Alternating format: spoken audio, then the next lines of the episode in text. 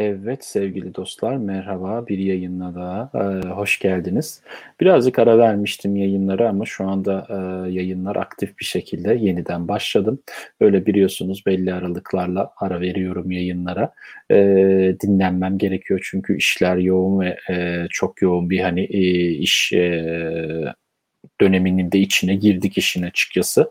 İlginç bir şekilde korona yani e, işleri bir an bir, bir dönem azalttı sonra bir dönem tekrar e, yukarıya doğru çıkarttı. Böyle değişik bir durum oldu işin açıkçası. Sanıyorum bu hemen hemen herkes için de geçerlidir. E, neyse sözü fazla uzatmayayım. Ben bugünkü hemen konuğum hakkında e, konuşmaya başlayayım. Bugünkü konuğum Lerzan Erkan. Kendisiyle böyle İK süreçlerinin tasarımından, yönetiminden, danışmanlık süreçlerinden ve e, bununla alakalı konular olan işte iş uyuşmazlıkları olsun, çalışma ilişkileri olsun. Bunun gibi belli başlı İK süreçlerini ilgilendiren konulardan konuşuyor olacağız kendisiyle. E, şimdi isterseniz kendisini de yayına alalım ve e, artık hazırsak başlayalım. Lerzan Hanım merhaba. Merhaba Barış Bey, iyi akşamlar. İyi akşamlar, nasılsınız? Teşekkür ederim. Siz nasılsınız? Sağ olun, ben de iyiyim. Hoş geldiniz yayına. Hoş bulduk.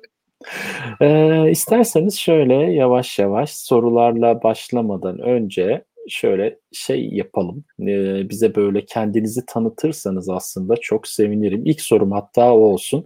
Böyle bize kendinizi kısaca tanıtır mısınız? Lerzen Erkan kimdir? E, tabii ki. E, teşekkür ederim hem davetiniz için hem de böyle insan kaynakları alanıyla ilgili konuşma fırsatı yarattığımız için beraber. E, ben 25 yıllık insan kaynakları alanında çalışan bir iş insanıyım aslında. E, bunun son 15 yılında da iş sağlığı güvenliği ile e, birleştirip iş sağlığı güvenliği boyutu ve insan kaynakları alanını beraber yürüten bir e, profesyonelim aslında. 2018'e kadar kurumsal e, hayattaydım. 2018'den sonra kurumsal hayatımı e, sonlandırıp bu alanda insan kaynakları ve iş sağlığı güvenliği ile ilgili çalışmalarımı devam ettirmek için danışmanlıklar yapmaya başladım. Bir yandan bu konularda eğitimler veriyorum. Performans yönetimi, kariyer yönetimi, liderlik, İK liderliği, insan kaynaklarının diğer fonksiyonları bu alanlarda eğitimler veriyorum. Aynı zamanda da iş sağlığı güvenliği alanında da baş denetçiliğim var. ISO 45001 İSG yönetim sistemi standardı ile ilgili. Onunla ilgili denetimlere gidiyorum son iki yıldır. Her iki alanında ben odağında insan olduğu için birbirini etkilediğini çok düşünüyorum. O yüzden de iki alanda da çalışmalarımı yürütmeye çalışıyorum. Bir yandan da tabii bu alanda gençlere de bir hani onları yol göstericilik, kolaylaştırıcılık yapmaya çalışıyorum. Elimden geldiğince üniversitelerle bu alanda işbirlikleri yapıyorum.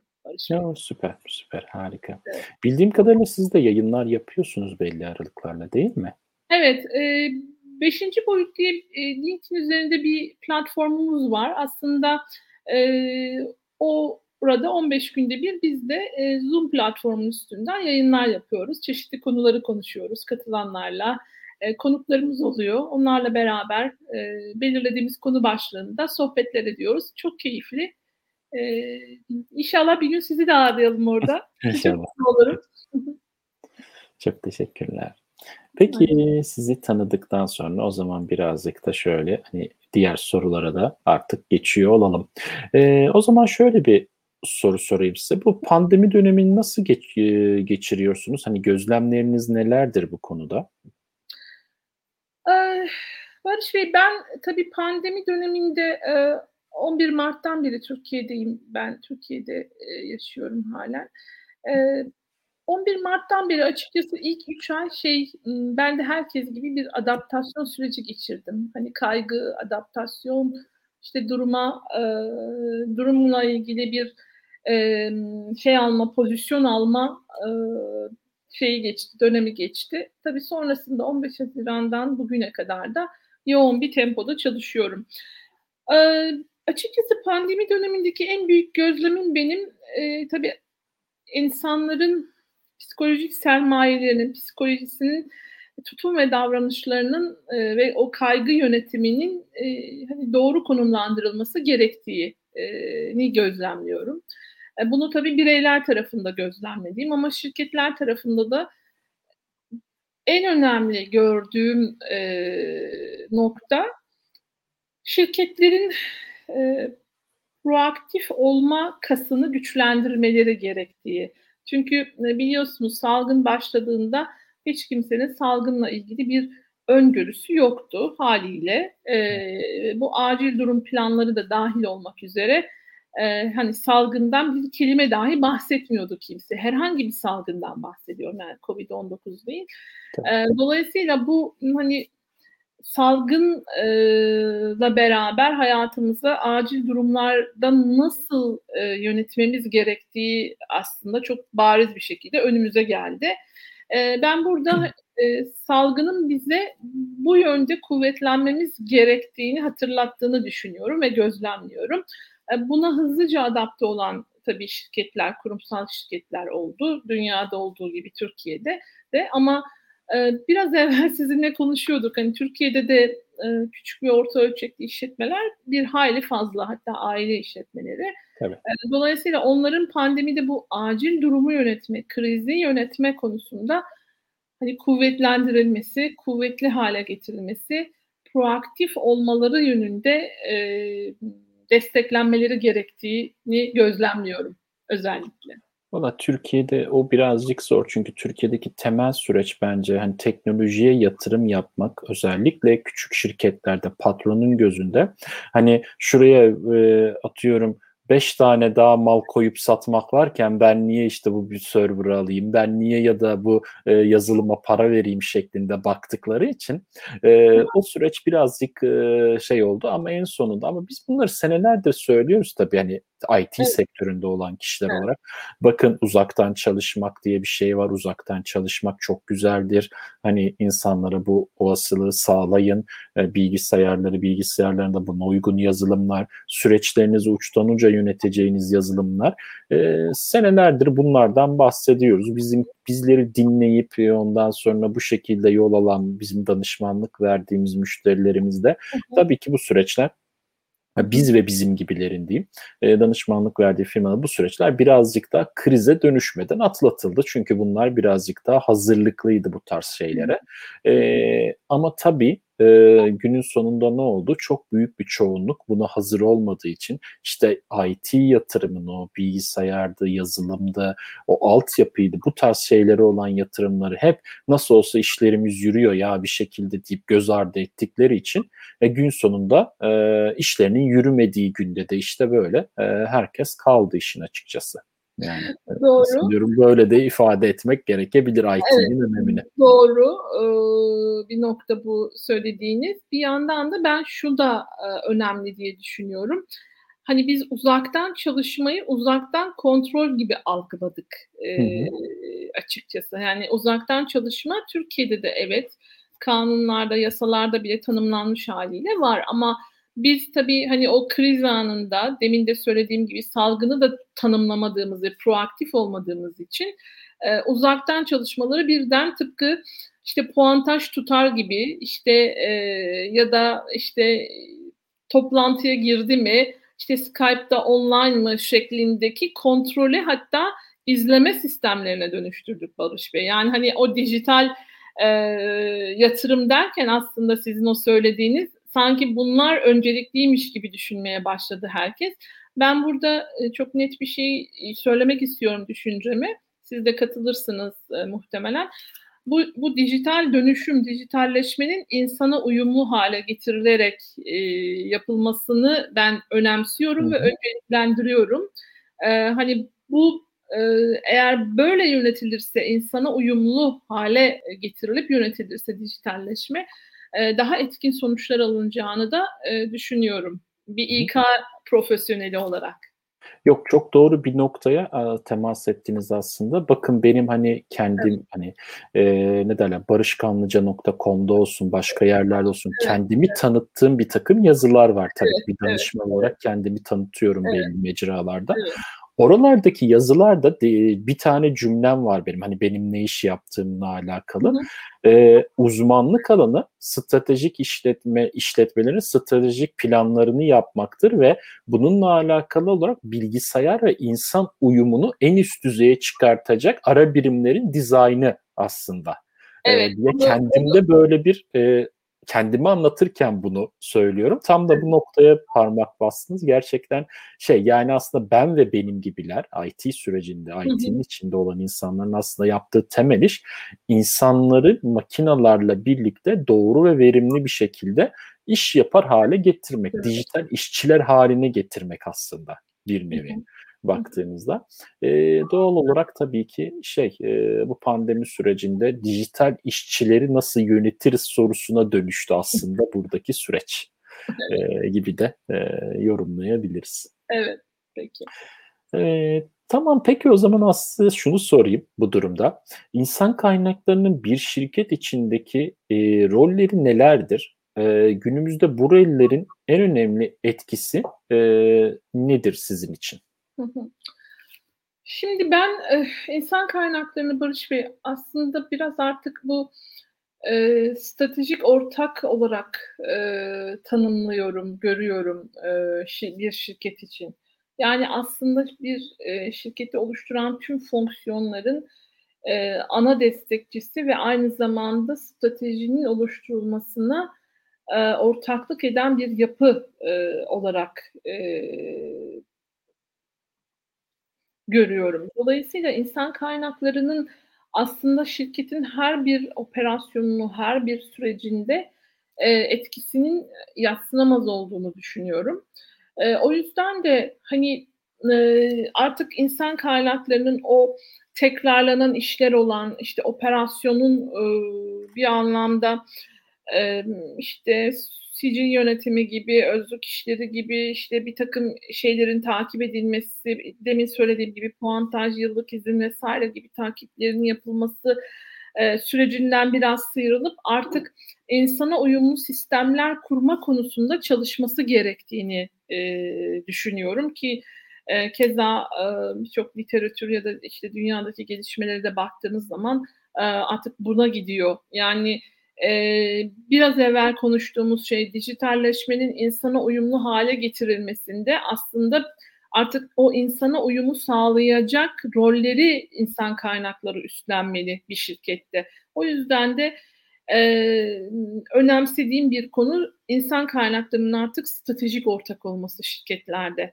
Aksi e, çoğunlukla şirketlerin işte e, çok daha e, yavaş gelişmesinin neden oluyor diye düşünüyorum ben. O yüzden insan kaynaklarını biraz operasyondan ayırıp insana uyumlu sistemler kurma, kurgulama ve onların e, stratejisini belirlemede e, etkin olması gerektiğini düşünüyorum. Tabii burada ben insan kaynaklarının en önemli süreci e, nedir diye baktığımda bence bir kere işi doğru tanımlama, ikincisi de doğru insanı işe alma ve yerleştirme ve geliştirme olarak görüyorum. Bunlar birbirine çok bağlı e, kavramlar. E, eğer ben doğru insanı alırsam sistemimin içine, e, stratejimle beraber gelecekte e, kimlerle yürüyeceğimi e, doğru saptarsam ve o doğru kişiyi şirketin e, geleceğine ortak edersem e, çok önemli bir etki yaratmış olacağım insan kaynakları olarak. O yüzden de e, bu anlamda işte doğru işi tanımlama, doğru işe e, kişiyi yerleştirme, doğru kişiyi yerleştirmenin önemli bir hani fonksiyonu olduğunu düşünüyorum insan kaynaklarının. Bu anlamda stratejik ortaklıktan kastımı da tekrar söylemek istiyorum. Şirketin gelecek stratejisinde insana uyumlu hale getireceği tüm sistemleri kurgulayan bir yapı aslında insan kaynakları. Benim e, öngördüğüm haliyle. O yüzden de artık bu e, operasyonel süreçlerin yönetimi tekrarlanan ve bir takım hani e, kolaylıkla işte e, dijitalleşmeyle beraber yapılabilecek e, rollerin biraz daha insana uyumlu sistemler kurma, stratejiyi belirleme, e, her bir e, o stratejik kararda insan odağını e, ortaya koymanın önemini e, vurgulamak istiyorum bu anlamda. Bunu söyleyebilirim size. Evet, evet bu aslında bayağı önemli. Çünkü artık e, İK dediğimiz birimin şirket evet. içerisinde operasyonel bir sürece e, dönüşmesi gerekiyor. Bu operasyonel süreç e, şey anlamında değil hani gitsin özlük işlerini yapsın işte gitsin e, şeyleri toplasın ne derler ona kaç gün çalışmış ne kadar maaş hak etti yok e, ondan sonra e, ne kadar e, izin yapması gerekiyor izin hakkı vardır falan değil aslında şirketin her bir görev aldığı işte projede ya da işte doğru kişinin doğru lokasyonda olması ve o kişinin lokasyonda e, mutlu olmasını aslında irdelemesi gerekiyor. Ben bugün şunları biliyorum. Bırakın işe almayı kişi işten ayrılırken bile, işten çıkarken bile ona nasıl bir paket sağlamayız? Yani işe alma paketi değil, işten ayrılma paketi nasıl olmalı? Yani işten ayrılacağı durumda hangi yasal evraklar imzalanmalı, ne kadarlık bir süreçte yeni işe geçebilir, hangi verilere sahip bu veriler ne olacak falan hani bu ya da bir alacak verecek var mı e, doğan bir akediş var mı bunların şey yapılması işten ayrılış paketleri artık konuşulurken başka e, yerlerde bizi Türkiye'de hala işe alım tamam bu kadar insan kaynakları bu bitti şeklinde değerlendiriliyor maalesef. Evet, kesinlikle. E, bu tamamen biraz evvel de söyledim. Aslında e, artık stratejinin belirlendiği her bir noktada insan kaynaklarının olması gerekiyor. İşten alım, işe alımdan de, dediğiniz gibi e, başlayıp işten çıkışa kadarki geçen tüm süreçleri kapsayan aslında bir strateji belirleme. Burada da insan kaynaklarının e, en önemli rolde olması gerektiğini düşünüyorum ben. Kesinlikle öyle. Kesinlikle öyle. Peki o zaman peki şunu da sorayım ben size. Daha önceki e, böyle hazırladığım sorulardan bir tanesi. İK stratejik ortak mı olmalı yoksa business partner mı olmalı? Sizce hani Aha. bu, ee, bu aradaki ayrım nedir? Evet, evet. Şimdi e, stratejik ortaktan kastımı biraz evvel söyledim. Aslında İK şirketin geleceğini kurgulayan önemli aktörler aktörlerden biri. Ee, iş partneri dediğimiz zaman hani e, burada biraz iş ortaklığından kasıt işte o operasyondaki süreçleri yöneten e, kısım e, da iş ortaklığını bugün e, İK yürütüyor. Hayır, İK artık şirketin stratejisinde doğru kararları verecek noktada olmalı ki e, gerçekten e, hani gücünü e, ortaya koyabilsin diye düşünüyorum. O yüzden e, yani ben e, bir şirketin e, yönetimi olarak bir fabrika kurmak, tesis kurmak, bir makinayı başka bir yere taşımak, bir lokasyonu başka bir yere taşırken bu kararda İK nerede olacak? İK burada e, hangi kararlarda etkili olacak? Bunu düşünerek hareket etmeliyim artık şirket yönetimi olarak da. E, size hemen hani e, proje yönetimi konusunda da zaten uzmansınız biliyorum. Yani e, Türkiye'de projeler yapılırken e, hemen söylemek istiyorum. Yaşadığım ve gözlemlediğim için özellikle örnek vermek istiyorum. Lütfen. Bir proje yapılırken sadece insan gücü maliyetleri yani işte personel maliyetleri çıkartılır. Halbuki biraz evvel siz de söylediniz. O, o lokasyonda e, yaşayacak insanların e, diğer ihtiyaçları, e, hani her türlü ihtiyacı ulaşılabilirlik seviyesi vesaire bunların da e, orada hesaplanması, o maliyetin içinde hesaplanması lazım. İşte İK burada stratejik ortak olmalı. Kesinlikle. Bakın ben size burada bir örnek verebilir miyim? Evet. Bir tane projede evet. e, bildiğim kadarıyla şirket Zeytinburnu'ndaydı.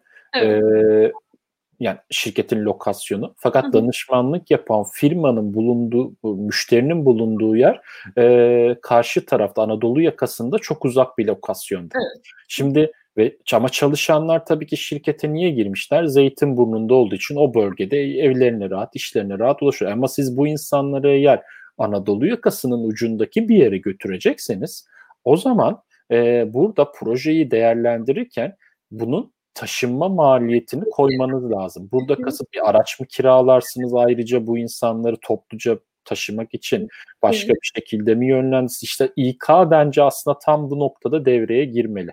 Evet, benim de kastım bu aslında. Yani ben bir lokasyon değişikliği yapıp bir fabrikayı taşırken işte oradaki kararımda İK, İK'ya dönüp sormalıyım. Ben bu stratejiyi nasıl yapacağım diye.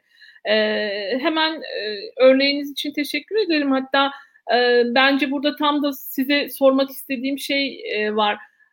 Türkiye'deki proje yönetimi mantığıyla mesela siz şu anda İngiltere'de Londra'dasınız. Oradaki proje yönetimi mantığı e, nasıl? Mesela sizin gördüğünüz en önemli fark ne Barış Bey? Ben hani bunu merak ettiğim için özellikle sormak istiyorum. Tamamdır. Valla benim gördüğüm en önemli fark şu. E, insan odaklı olmaları birazcık daha yani yurt dışındaki proje yönetiminde birazcık daha insan odaklı gidiyorlar ve insanın hata yapabileceğini e, kabullenmiş durumdalar ve insanın hata yapa, yap, yaptığında bile e, karşı taraftan, şirketten yani müşteri tarafından. Şimdi ben nasıl bir işim var benim? Bizler partners evet. yani bir hizmet firmasıyız. Hı hı. Belli bir ürünü müşterilerimize konumlandırıyoruz. Dijital evet. dönüşüm projelerinin içerisinde. Hı hı. Şimdi e, bu sırada biz hata yapabiliriz. Atıyorum proje 20 günlük deriz ama bir bakarız 25 gün çıkar. Hı hı. 25 gün çıktığı zaman o 5 günün ücretini alabiliyoruz burada müşteriden. Ama evet. Türkiye'de olsa beni ilgilendirmez arkadaş 20 gün dedin 20 günlük o 5 gün senin problemindir diyor. Yani proje yönetiminde müşterinin ve projeyi yöneten taraf her iki taraf da insan odaklı olduğu için bir şekilde anlaşılabiliyor ama birazcık bizim ülkemizde işte maalesef hani böyle e, sıkıntılar var. Evet ben orada şunu görüyorum hemen e, görüşümde söylemek isterim. Bizde hatadan öğrenme kültürü yok maalesef. Hatadan evet. korkma kültürümüz var iş yapma biçimi olarak. Ee, hani e, örnek vermek gerekirse Japonların Kaizen felsefesi aslında hatadan öğrenmeye dayalıdır. Fakat biz hani e, bu anlamda hatadan öğrenme değil korkutma, hata sonucunda işte işten çıkartma, projeden çıkartma, projeyi iptal etme gibi e, sonuçlarla karşı karşıya kalıyoruz. Ama bence e, iş yaşamında da deneyimlediğim bir şey var. Beraber çalıştığım bütün ekiplerde de böyleydi. En iyi öğrenme yolu hata yapmak. Kesinlikle. O hatayı düzeltirken herkes çok iyi öğreniyor. Çünkü. Doğru, doğru. Kesinlikle öyle. Kesinlikle haklısınız. Peki yeni bir soruya geçmeden önce bir bakalım. Hani e, soru değil ama Candan Hanım bir yorum yapmış. Hı hı. E, dijital dönüşüm deyince kültürel anlamda bir değişim hedeflenmelidir odağını insanı almalıdır. Oysa çoğu şirkette sadece dijital altyapının hazırlanması şeklinde algılanmıştır maalesef. Evet kesinlikle işte biz de biraz önce bunu konuştuk. Yani insan makine ara biriminin o dijitalleşmenin aslında sadece verinin uçtan uca taşınması değil aynı zamanda odağına insanı alarak insanın en iyi rahat ettiği şekilde ve en iyi ulaştığı şekilde aslında evet. bu işlemlerin yapılması anlamına geliyor. Zaten bu yüzden değil mi birçok uygulamanın bile tablet ve cep telefonu versiyonu çıkıyor. Neden? Çünkü insanları dışarıdayken ya da farklı ortamlardayken bile bir şekilde e, sistemin içerisine dahil edebilmek, e, en rahat kullanabildikleri, ellerindeki en rahat erişebildikleri cihazlardan dahi e, konuya vakıf olmalarını sağlamak. Aslında bu da bunların bir örneği olarak verilebilir bence. Ve Candan Hanım demiş ki ek olarak bir projenin hangi üst stratejiye hizmet ettiği bilgisi ülkemizde ihmal edilmektedir. Kesinlikle. Evet. Kesinlikle. Kesinlikle. Kat, katılıyoruz buna. Evet. evet o zaman sorularımızla devam edelim madem öyle. Peki. Bakalım. Peki o zaman şu soruyu sorayım. İK liderinin, profesyonellerinin yetkinlikleri ne olmalı? Bunu desteklemek için hangi konularda çalışmaya başlamalılar?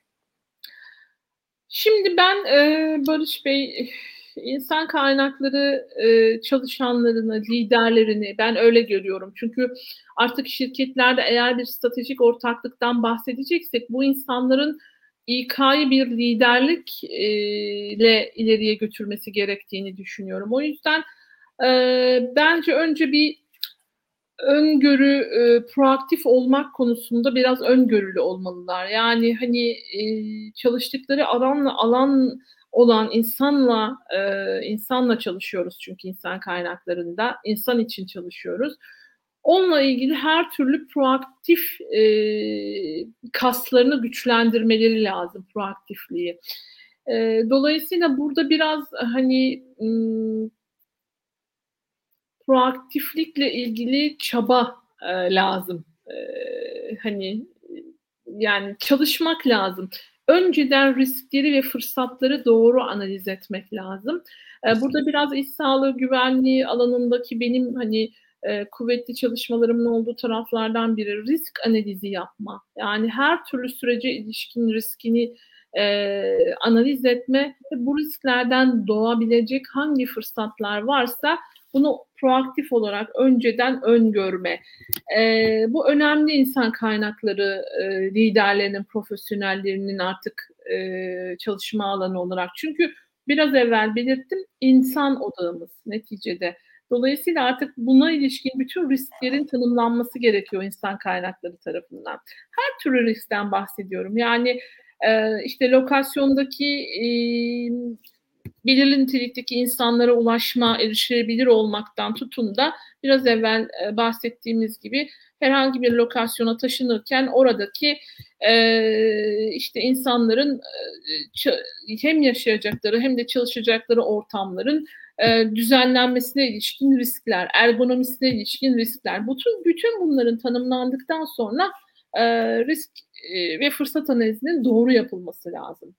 Bunu öncelikle e, söylemek isterim. Sonra İK liderleri artık sadece kendilerini e, gören bir bakıştan biraz çıkıp artık çevrede ne oluyor, dünyada ne oluyor, sürdürülebilirlik, işin ve insanın sürdürülebilirliğinde neler oluyor?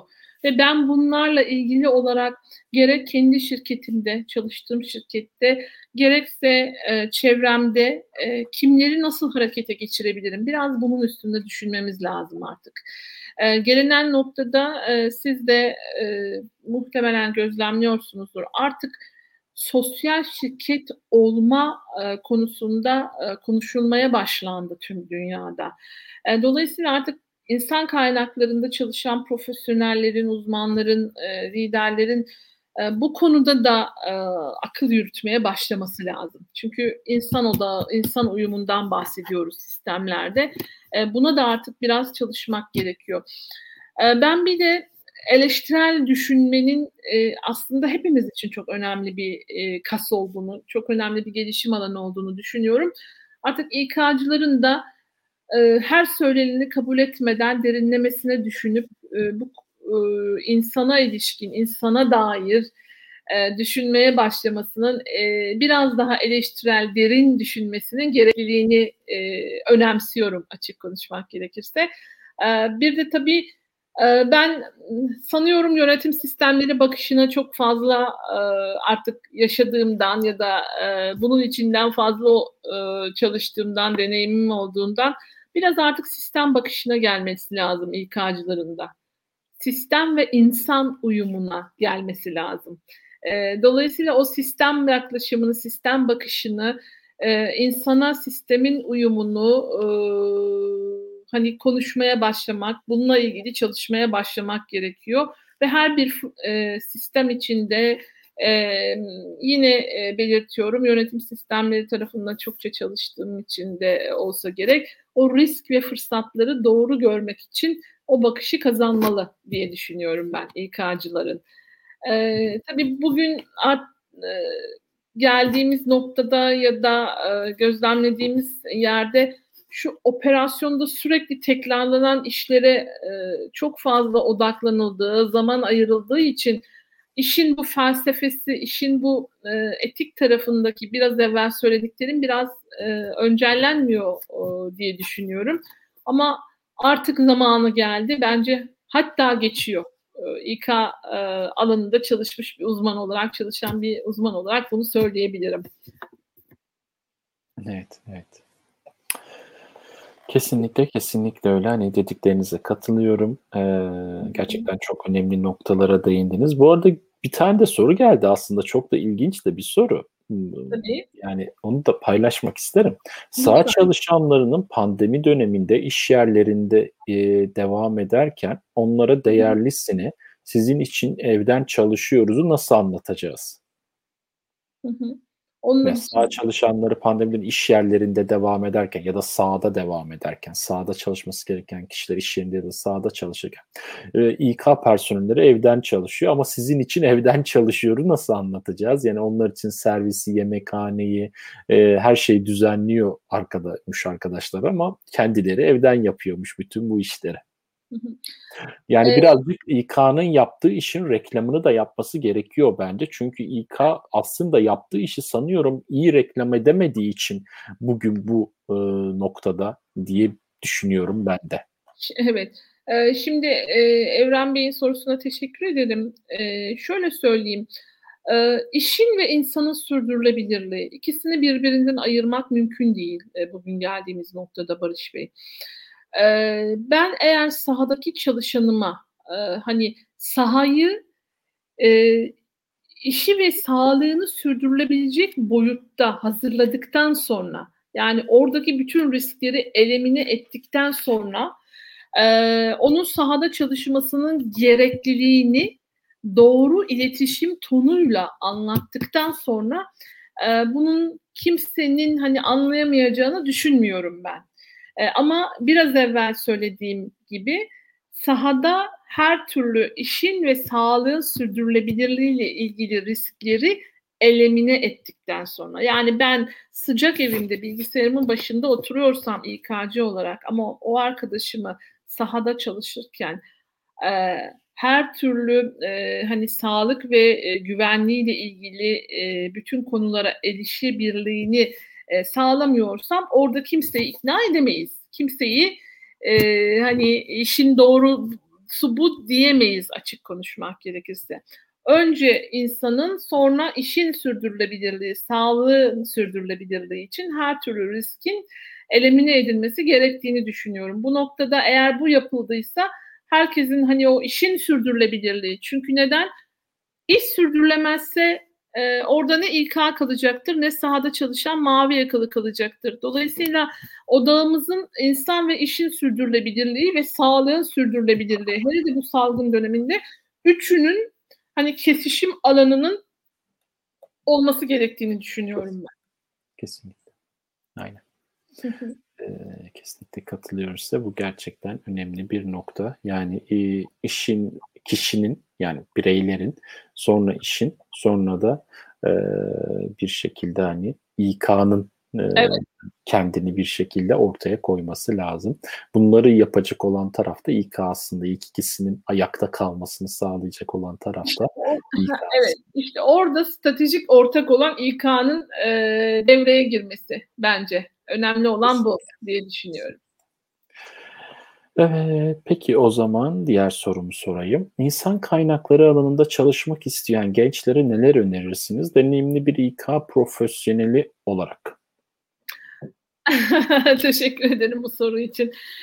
Ee, doğrusunu söylemek gerekirse insan kaynakları alanı zor bir alan. Yani e, insanla çalıştığınız için, insana uyum e, için çalıştığınızdan e, bir kere e, demin söylediğim o yetkinlikleri mutlaka e, bireyde olması lazım. O işte çalışacak bireyde.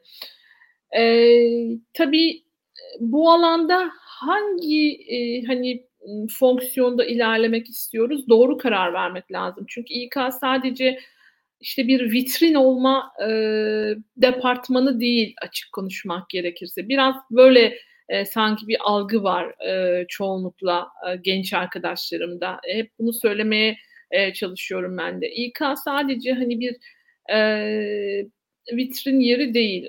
İK işte biraz evvel başta da söylediğimiz gibi işten alımdan, e, işe alımdan işten çıkışa kadarki tüm süreçlerdeki e, işleri yürütecek kişi. Yani bir e, işe alımcı mı olacağım? E, sicil ve bordro yönetiminde mi çalışacağım? Ücret ve yan haklarda mı çalışacağım? Organizasyonel gelişim e, ve kariyer yönetimi alanında mı çalışacağım? Ya da e, eğitim geliştirme tarafında, öğrenmeyi öğrenme tarafında mı çalışacağım? E, buna bir genç arkadaşlarımın karar vermesi lazım. Eğer İK'da e, yol almak istiyorlarsa.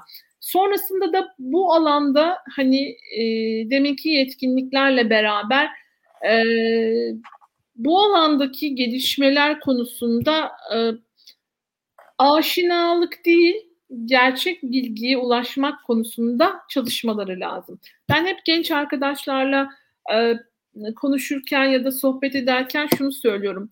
Çalışmadan, çalışmadan, çalışmadan hiç kimsenin başarıya ulaşması mü- mümkün değil. Dolayısıyla hani e, eğer kolaycılığa kaçıp e, işte e, aşina olarak ben bu işi yürütürüm diyorsanız e, İK bu alan değil. Aslında hiçbir alan böyle değil ama İK hiç değil. E, dolayısıyla e, çalışmak gerektiğini de özellikle vurgulamak istiyorum e, ben. E, ve e, bu alanı da sevmek lazım. İnsanı sevmek lazım. Kesinlikle öyle. Kesinlikle öyle. Bakın hatta gelen yorumlara da bakıyorum. Ee, evet. Bakın bir tane güzel de bir yorum var aslında. Aslında İK'cılara birazcık serzeniş de diyebiliriz buna. Ee, İK'cılar işletme içinde tüm süreçlerde çalışıp empati yetisi kazandırılmalıdır ki kendi operasyonel süreçleri üstünde çözümsel olabilsinler. Ee, bence çok doğru bir nokta aslında. Yani aslında sadece İK'cı değil, şirket içindeki personel belli ara yani baş işe tam başlamadan önce bence belli departmanlarda böyle staj yapar gibi böyle atıyorum iki gün, üç gün belki geri gelir bir hafta bilmiyorum. Böyle aslında kalsa e, oradaki işleyişi görse daha bir empati yapabilir hale gelebilir diye düşünüyorum. Bilmiyorum siz ne düşünüyorsunuz? Evet, çok doğru bir yorum olmuş. Kesinlikle İK'nın içinde bulunduğu, çalıştığı şirketin ve sektörün her bir sürecini doğru bilmesi lazım. Ki o sürece hangi doğru insanı alacağım, hangi doğru e, işi tanımlayacağım, hangi doğru gelişi fırsatı yaratacağım. Bunları eğer o süreçleri e, her bir fonksiyonu bilmezse İK e, doğru da yönetemiyor, doğru da stratejik ortak olamıyor aslında. E, teşekkür ederim yorum yapan e, izleyicimize. Evet, ben de teşekkür ederim. Peki o zaman diğer bir sorumuza geçelim.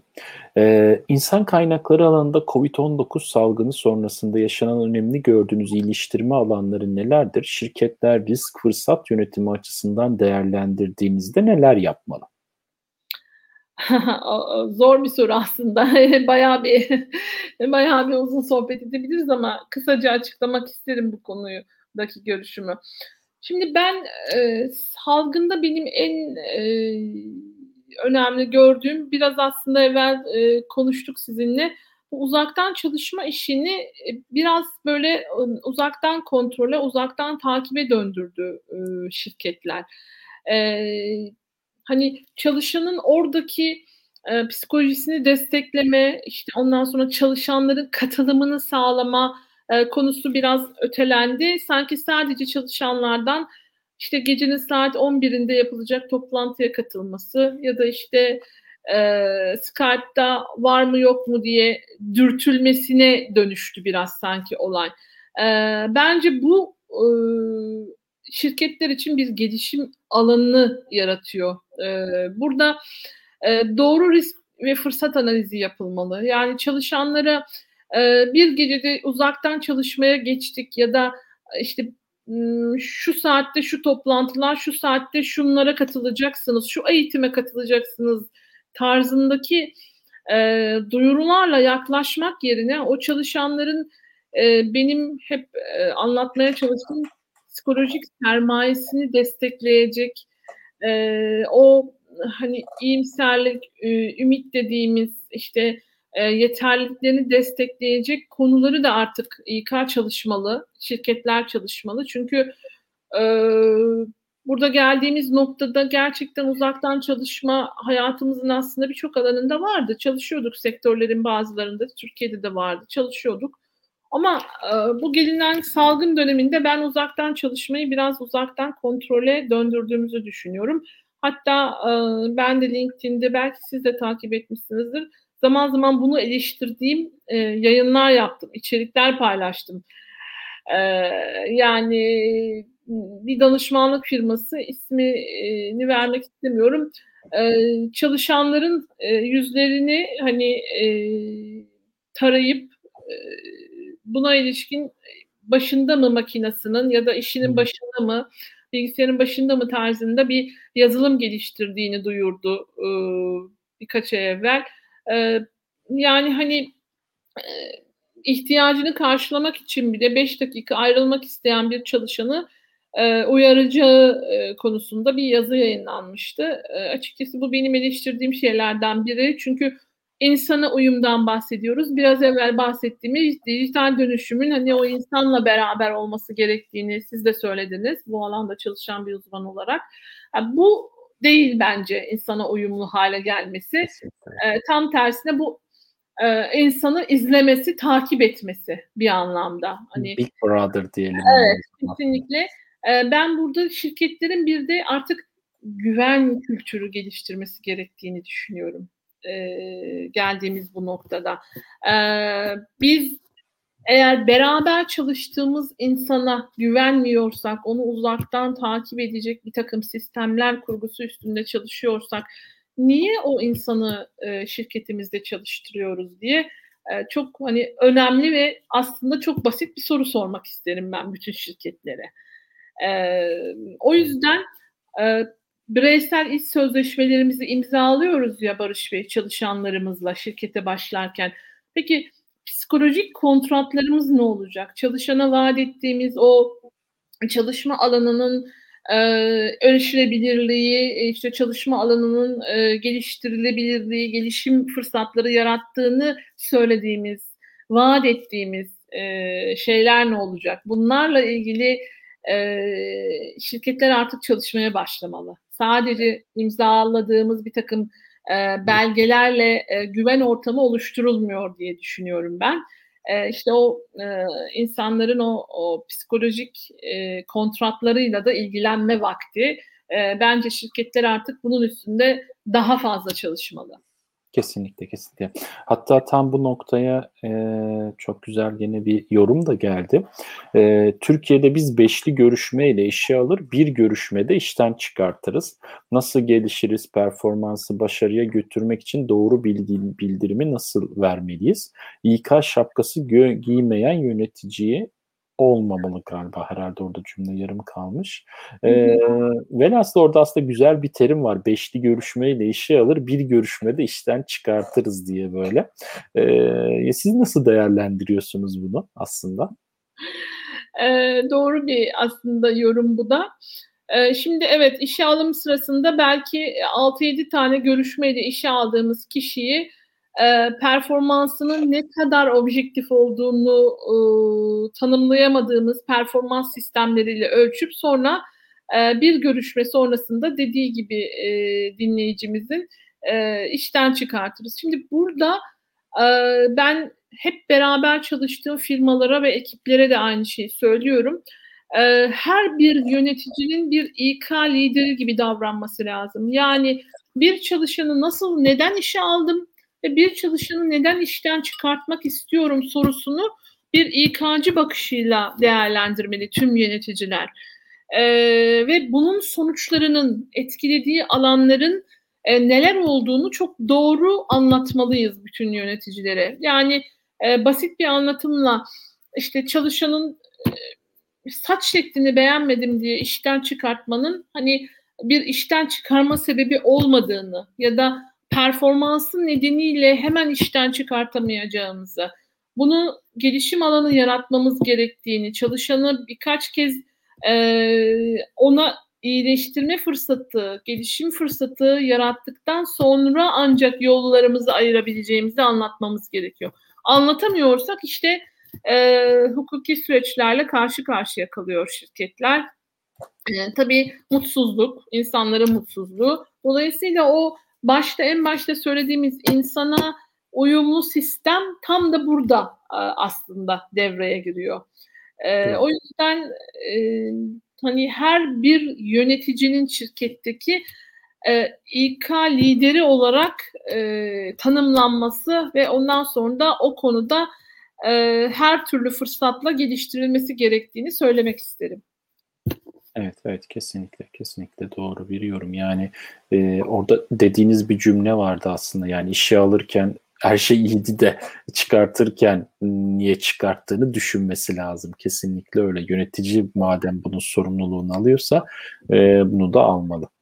E, evet bunu bu şekilde değerlendirebiliriz. Peki o, o zaman bakalım sorularımıza daha neler. Aslında daha bir sürü sorun var ama çok hepsini soramayacağım sanıyorum. Tamam. Şöyle e, birazcık da bir bakayım sorularıma. Lütfen. e, Aslında en önemli soru bence şu. Hani diğer soruları tabii ki vaktimize bakarım sorarım ama bence hani sizin gibi deneyimli bir İK'cı yakalamışken aslında bütün sorular içerisinde şunu da sormak isterim. İş arayan gençlere, çalışanlarına tavsiyeleriniz nelerdir? Ee, en önemli gördüğümüz iyileştirme alanları nelerdir bu konuda? Şimdi şirketlerden çıktık bireysel olarak. Hep şirketleri konuştuk çünkü şu ana evet. kadar. Şirketler şunu yapsın, bunu yapsın, şöyle olsun. Şöyle. Ya peki bireyler olarak bizler ne yapmalıyız? Bize üzerimize düşen vazifeler yok mu? İşe girerken, işten ayrılırken, yeni iş ararken aslında biz neleri doğru ya da yanlış yapıyoruz? Siz bu konudaki gözlemleriniz nelerdir? Tabii. Evet aslında bu konuda gençlerle çok çalışıyoruz ve çoğunlukla üniversitelerde e, bu tarz çalışmaları atölyeler şeklinde düzenliyoruz. E, anlatmaya çalışıyorum genç arkadaşlarıma da. Şimdi sadece ben uzun yıllardır böyle düşünüyorum aslında. Sadece bir okulda, bir üniversitede okuyarak ve bir diplomaya sahip olarak kimse gelişemiyor Barış Bey ve iş hayatında yer alamıyor.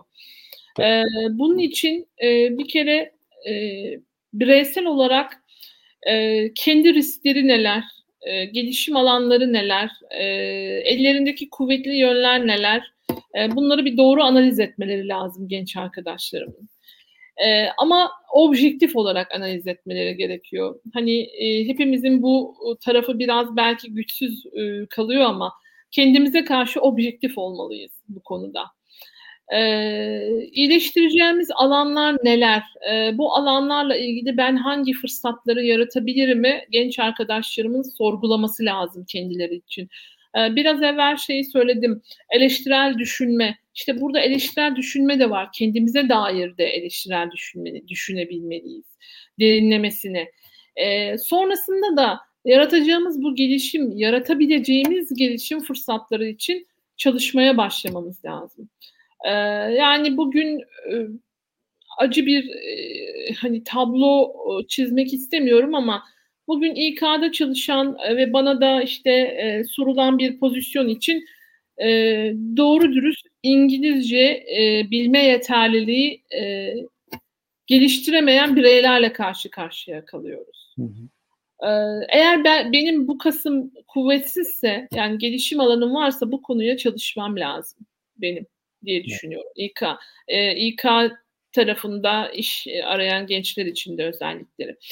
E, sonrasında e, kariyerim için gençlere şunu söylüyorum. Ben kariyerim için hangi değerlere değerlerimle ilerleyeceğim? Hangi değerlere sahip olmalıyım? Ya da hangi değerlerim var ki bu beni desteklesin e, kariyerim için, geleceğim için? E, bu da önemli bir analiz. E, iş arayan değil aslında bütün bireyler için önemli bir analiz diye düşünüyorum. Çünkü ben o değerlerimle e, yol alacağım iş yaşamında, yaşamda, hayatta. E, dolayısıyla o değerlere e, uyumlu olan e, şirketler, ekipler, bireylerle bir araya gelirsem değer yaratmam daha kolay olacak. E, o yüzden genç arkadaşlarıma ikinci önerdiğim değerleri nedir bunun üstünde düşünsünler. Kendi değerleri. Yani e, çünkü mutsuz oluyor insanlar Barış Bey. 25 yıllık insan kaynakları alanında çalışan e, bir hani deneyimli bir iş insanı olarak söylüyorum.